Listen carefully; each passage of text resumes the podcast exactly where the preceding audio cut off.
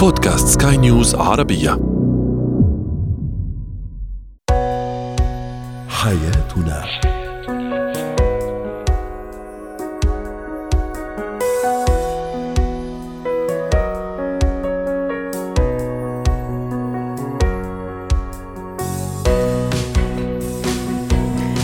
مستمعينا الكرام أهلا بكم معنا إلى حياتنا. فضاؤكم اليومي الذي يعنى بشؤون الأسرة وباقي الشؤون الحياتية الأخرى والذي يمكنكم الاستماع إليه عبر منصة سكاي نيوز عربيه dot com slash podcast وباقي منصات سكاي نيوز عربية الأخرى. شاركونا عبر رقم الواتساب 00971 561 8 معي أنا آمال شابه اليوم نتحدث عن الارتباط الأزواج أو الزوجين وابتعادهما عن عائلتيهما. بحكم الدراسة أو الاغتراب هل هو في صالح العلاقة أم لا؟ كيف تعامل مع طفل المهمل؟ وأخيرا المتأخرون عن المواعيد دائما ما هي الطريقة المثلى للتعامل معهم؟ هو وهي لا شك أن تدخلات الأهل بين الزوجين في حتى في الأمور سواء كانت صغيرة أو أمور أيضا مصيرية يؤدي إلى مشاكل ويؤدي إلى احتكاكات يومية قد تؤدي في النهاية إلى الانفصال لا سمح الله. تحدثنا مرارا وتكرارا عن تدخل الأهل وخطورة تدخل الأهل بين الزوجين. اليوم نتحدث عندما يكون الزوج والزوجة بحكم الدراسة أو الاغتراب في بعد بينهم وبين عائلتيهم، هل هذا يكون في صالح العلاقة؟ لأنه سينفرد كل واحد كل واحد بالآخر طبعا من من الناحية الإيجابية أقصد سيرتبان حياتهما بالطريقة التي تناسبهما، سيسعيان لحل مشاكلهما بطريقتهما الخاصة.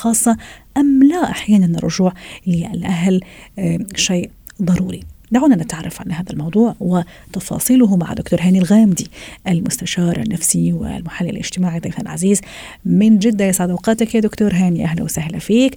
نتحدث اليوم عندما يبتعد الزوج والزوجة خاصة يعني في بداية الحياة الزوجية عن الأهل بسبب الابتعاث ممكن للدراسة أو الاغتراب يعني تتعدد الأسباب لكن عندما يبتعد عن يبتعدا عن أسرتيهما هل هذا يكون عادة في صالحهما في صالح هذه العلاقة؟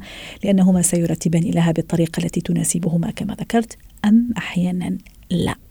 اللي فيه طبع يا أمال مش حيبطلوا. يعني لو كان فيها طبع. يعني يعني الحكمة مش في البعد المسافة. لا لا لا والله حتى زحل. طالما رفعت سماعة التليفون ويا ماما ويا ماما وعمل لي يا ماما وسوى لي يا ماما والله لو يودوها زحل برضه حترفع عليها قمر صناعي وتتصل بماما هذه إشكالية كبيرة إنه حقيقة كثير من النساء وكثير من الرجال أيضا أي, يعني. طبعا أكيد رح نحكي اليوم يعني رجال ونساء يا دكتور أكيد أي. فللأسف هو حبيب ماما حبيب ماما ده سواء كان زوج أو زوجة معناته إحنا عندنا مشكلة على طول وبالتالي التباعد أو موضوع إنها في بيتها في نفس المدينة أو مدينة أخرى أو دولة أخرى أو ابتعاث هو لن يثني هذا الفرد عن إنه يفعل نفس الطبع اللي تعود عليه. هذه نقطة جدا مهمة. أيوة. ولا يكوني أنا يا دكتور معليش دكتور هاني ولا أنا ك ك ك كزوجة خلي أقول مثلا عندي هذا الزوج عفوا زي ما ذكرت حضرتك سميته بحبيب ماما. ممكن كمان يكون يعني فرصة إيجابية وفرصة فرصة طيبة عفوا لا خليه ويعني أدفعه أنه نرتب علاقتنا وحياتنا الزوجية بالطريقة اللي تناسبنا. الإشكالية الأكبر يا أمال. مم. لما يكون خلينا ناخذ السيناريو التالي. ابني أو بنتي اليوم أنا موجود في جدة أو في السعودية وهم طلعوا ابتعاث إلى كندا مثلا. مم. تمام؟ أو إلى أمريكا. فالأخ بيتصل على مامته كل يوم. والله يا أمي أنا هنا ما بتسوي لي أكل. والله يا أمي أنا ما ما بتهتم بي مشغولة في دراستها. ما بنشوف بعض إلا على آخر الليل وتلاقيها دائما نايمة. أنا كمامته حتجنن. والعكس صحيح. صح. اذا بالتالي للأسف هم لا شالوا شرهم معهم ولا إنهم ريحوا صدورهم ولا ريحوا الآخرين. فهي في الآخر عملية تعود إلى الزوج والزوجة. خلينا نتكلم عن الجزء المهم في عنواننا اليوم. الابتعاث أنا أجد إنه فرصة جميلة جدا يا أمان. إنه يكون في تعاضد وقوة نبنيها يدي بيد. ما هذا إذا كن نعم إذا كنا على فهم حقيقي لماهيه بناء بيت أسرة وبيت زوجية. لأنه هي فرصة كبيرة. طب خلينا نلتفت للصراعات اللي حنشوفها وإحنا في الغربة. يعني أيوه. حيك... حيكون عندنا صراعات جديدة اللي هي هي مشغولة بالدراسة أنا مشغول بالدراسة أو العمل وبنلتقي على السويعات البسيطة على آخر الوقت. وأنت عارفة إنه الدول الغربية اليوم عندهم بينتهي في حدود الساعة ما بين سبعة إلى تسعة تقريبا مش زي الدول العربية. اذا بالتالي الساعتين هدول اللي حنكون عايشين فيها مع بعض من المفترض إنها تكون ساعتين جميلات. وهذه على فكرة قضايا كثير بتجيني من المبتعثات من بناتنا وأبنائنا إنه الوضع بيكون مستفز أكثر يعني بيكون في جزء من الغربة والنستالجي والحنين وعدم وجود كثير من الأمور اللي معززة لي أنا بإحساس وجودي بين أهلي بينما هناك غربة. اذا أنا أرى فيك كل أهلي وكل العالم تبعي وأرى فيك كل العيلة والعالم تبعي. ومن هنا أي تقصير سأسقط عليك أو عليك جزئية هذا الحرمان اللي ما أصبح متوازن داخل صدري. ومن هنا تبدأ المشاكل. ليش؟ لأنه لا إراديا هم في مكان منعزلين عن التغذية الطبيعية من قبل الأصدقاء والأهل والعزايم والمناسبات والتعارض الحميمة ما بين العوائل. إذا هذا كله مفقود. وما صفي غير وجهي ووجهك. فيا إما نكون أذكياء عشان نرتقي بالوضع النفسي والمشاعري والحنين تبعنا ونكون يدنا في يد بعض أو سنقع في صح. شر أعمالنا. صحيح ونرجع مرة أخرى دائما للأهل ونرفع سماعة التليفون ونحكي كل أسرارنا ونفضي بكل أسرارنا الزوجية والأسرار الخاصة جدا في بيت الزوجية وحضرتك ذكرت كمان نقطة مهمة بالنسبة للأهل دكتور هاني، هل تعتقد إنه كمان كأهل يعني أهل يعني عندنا أهل ابناء المبتعثين في الخارج توهم تزوجوا أو ممكن حتى مغتربين لأنه جاتهم فرص عمل رائعة وما لازم يضيعوها.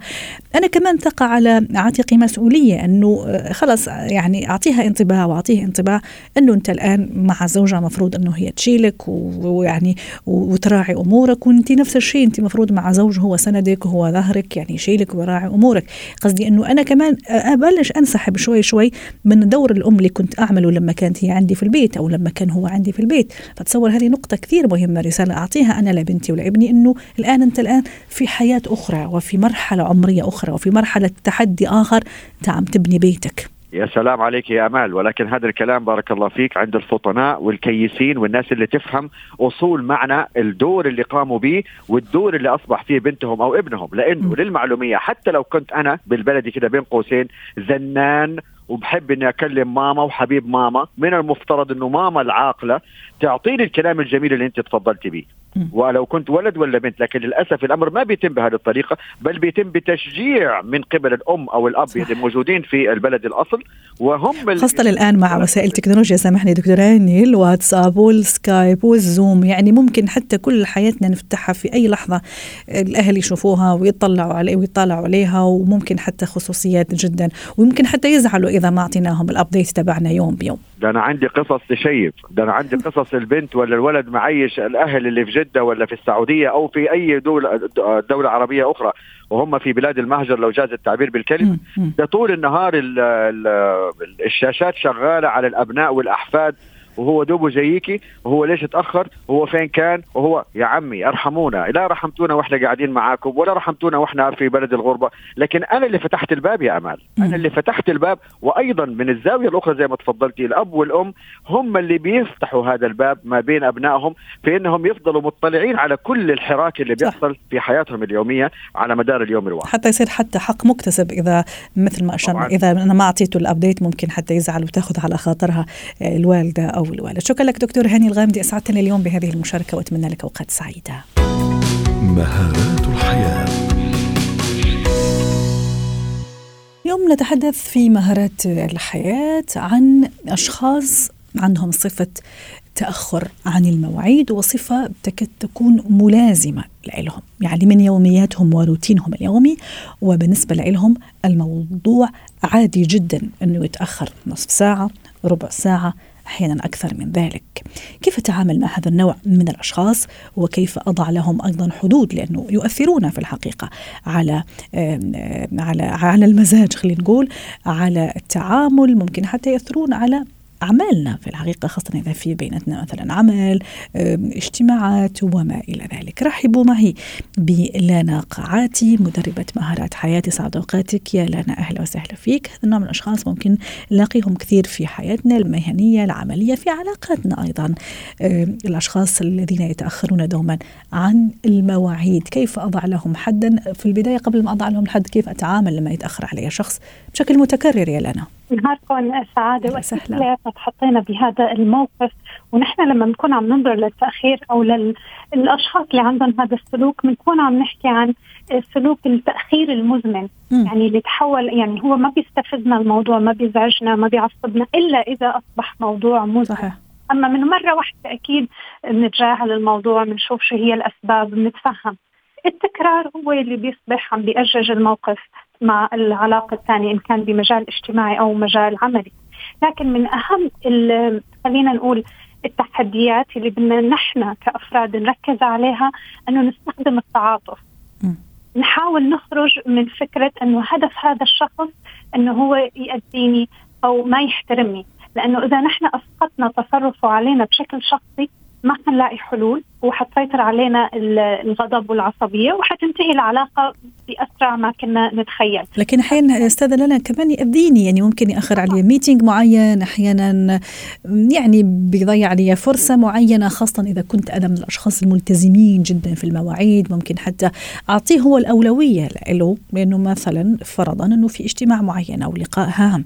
فأنا أعطيته الأولوية وإذا به عادي يتأخر نص ساعة ساعة وبالنسبة له الموضوع عادي جدا. عادي جدا.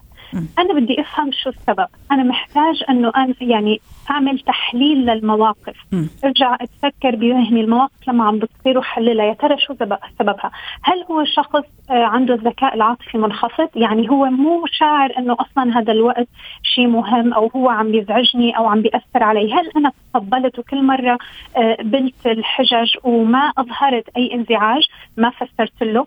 إذا كان الوضع بهالطريقة فأنا محتاج يكون في عندي حوار واضح وبشكل صريح أنه أنا تأذيت منك لازم نكون حتى لما عم نعمل مواعيد مع هاي الأشخاص نكون جدا واضحين. ما أقول له إنه أنا بدي وعدك بعد المغرب مثلا. لا. يعني تحديد الوقت بالضبط يعني الساعة أربعة الساعة خمسة. تماما. م. ما يكون الموضوع مفتوح لما لما يكون مفتوح هو ما بيعطي قيمة. بحسك إنه أنت شخص فاضي فممكن بأي وقت يكون معك.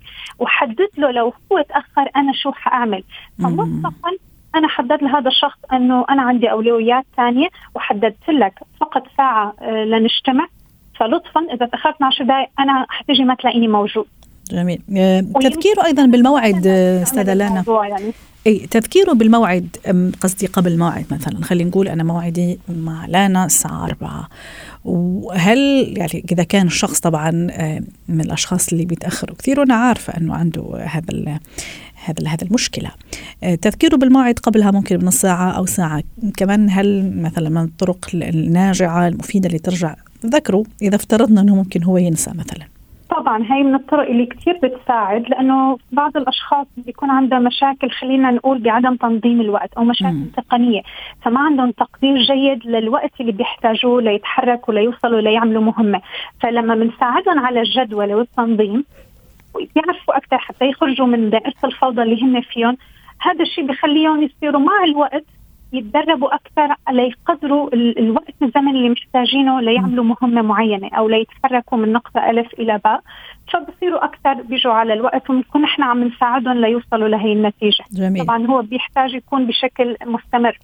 في بعض الأشخاص على فكرة بتعتبر التأخير آه، مصدر قوة لهم يعني أيه. هو المصدر اللي بيستلهموا منه إنه هن أشخاص مهمين مهمين أيه. لأنه عندهم نوع من أنواع النقص وهي الطريقة الوحيدة اللي لقوا إنه هن فيهم يتميزوا بمجموعة صحيح. كان بمجال العمل أو المجال الاجتماعي طيب لانا حتى نختم معك أيضا هذا الفقرة اليوم في في البعض يستخدم يعني المثل القائل العين بالعين والسن بالسن والبادي أظلم يعني والتاخر بالتأخر أنت تأخرت علي أنا مرة جاي راح أتأخر حتى تعرف قيمة الوقت وتعرف قيمة إنه كيف أنت خليتني أستناك أو أنتظر باختصار. والله الأشخاص اللي بيكون أخذين التاخير كمصدر للقوة والاهتمام أحيانا بتنفع معهم هي الطريقة لكن يعني هي ما له الأسلوب الذكي للتعامل مع المواقف ممكن يؤدي لقطع العلاقة بشكل كثير سريع. فإذا العلاقة مهمة وبمجالات العمل لا الواحد لازم يستثمر بحلول فعلية نعم. تخليه يمد العلاقة. شكرا لك لنا قاعتي مدربة مهارات حياة ضيفتنا العزيزة من دبي.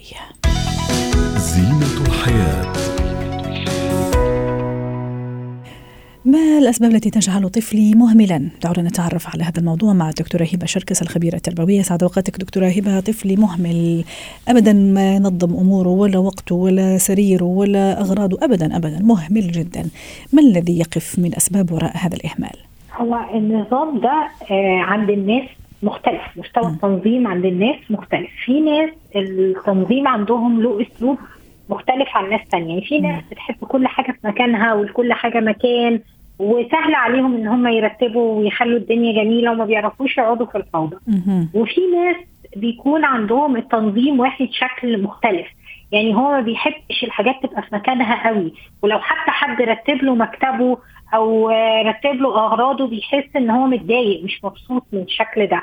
فالأطفال اللي عندهم آه، بعض الفوضى آه، دول محتاجين طرق مختلفة للتنظيم. يعني إيه؟ يعني ما يمنعش إن أنا يكون عندي مثلا صندوق كده بيجمع فيه لبس الرياضة بتاعه اللي هو ما بيتكرمش بيحطوا فيه. ممكن يكون فيه عنده صندوق لذيذ وشكله حلو وفيه ألوان بيلم فيه كتبه وبيلم فيه أغراضه. مش لازم تكون مكتبة ويحط الحاجات بنظام معين آه، وبشكل معين. ممكن يكون عنده علاقة مثلا ورا الباب بيعلق عليها الحاجات اللي بيلبسها كتير.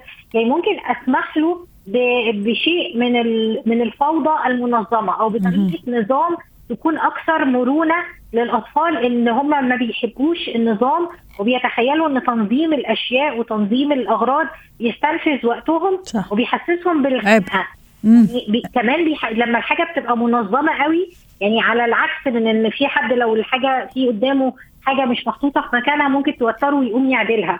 لكن على العكس تماما ممكن بعض الأطفال الحاجات المنظمة زيادة عن اللزوم بتكبلهم وتقيدهم وتخليهم مش عارفين يتحركوا. وكمان أحيانا دكتورة هبة ممكن خطأ مننا كأولياء أمور اباء أمهات ممكن أحيانا استخدموا استخدم يعني التنظيم كعصا. عرفتي كيف؟ ألوح بيها. أنه إذا عملت كذا بخليك ترتب مثلا سريرك أو ترتب أغراضك وكأنه يعني عقاب. فأكيد هو ما راح ينبسط لهذا النوع من من من العقوبات إذا صح التعبير أو من من العقاب. تمام. يبقى السبب الأولاني زي ما قلنا إن ممكن تكون طبيعة الشخصية محتاجة لمساحه من المرونه والفوضى السبب الثاني إحنا طريقتنا في التعامل مع مع التنظيم. صح. والتنظيم ده عقاب. لو الأم أو الأب هم من النمط الاناليتيكال التحليلي المنظم اللي بيحب لكل حاجة مكانها ولكل مكان حاجة وابنهم من النوع الفوضوي شوية فممكن يحسسوه بعدم القبول ويعتبروا إن التنظيم ده شكل من أشكال ممكن يتعاقد بإن هو ينظم غرفته وإن هو كمان هينظم أغراض أخرى داخل المنزل أو أماكن أخرى داخل المنزل فيكرهوه في النظام. أو إن هم ما يتقبلوش لو هو راح نظم الأشياء بطريقته وببساطة وكان فيها صح. شيء من الفوضى رغم إنه بذل جهد هم ما يتقبلوش يقعدوا ينتقدوه لا لازم تعمل كده ولازم يحطوا قواعد صارمة على النظام فده ما بيتناسبش مع الطفل الحاجة السبب الثاني بعض الأمهات والآباء بيخلقوا اتكالية عند اولادهم لأن هم اللي بينظموا لهم كل حاجة صح. من أول أغراضهم بتحضر لهم شنطتهم وهم رايحين المدرسة آه بييجوا من المدرسة بيتفتح لهم شنطتهم وتعالوا عشان نحل الواجب. بنظم لهم وقتهم برتب لهم ميعاد التمرين صح وهذا يخليهم يعني يعطيهم مجال إنه يتكاسلوا. باختصار دكتورة هبة إذا حابة أنا في نقاط حتى أعالج فيها هذا المشكلة. باختصار. هو أول حاجة إن أنا أعرف شخصية طفلي هل هو منظم شديد النظام أو هو ممكن يكون عنده شيء من الفوضى الخلاقة الإبداعية. فأبدأ أخليه ينظم غرفته وينظم وقته بطريقة مرنة. في واحد المنظم ممكن ينظم جدول أسبوعي لمذاكرته والاوقاته الثاني الفوضوي ممكن يوم بيومه. قالوا النهارده هندير اليوم إزاي؟ صحيح. تنظيم المكان إن أنا ما استخدمش الترتيب والتنظيم كشكل من أشكال العقاب للأطفال إن أنا أقبل مستوى التنظيم بتاعهم. عليه حاجات بسيطة. مش لازم إن أنا أضغط طفلي إن هو جميل. لازم يوصل طيب ويبقى الحوار أكيد دكتورة هبة هو السبيل الأفضل والطريقة المثلى ل يعني تعديل هذا السلوك. شكرا لك دكتورة هبة شركة استضافتنا من أبو ظبي. ختام حلقة اليوم من حياتنا. شكرا لكم والى اللقاء.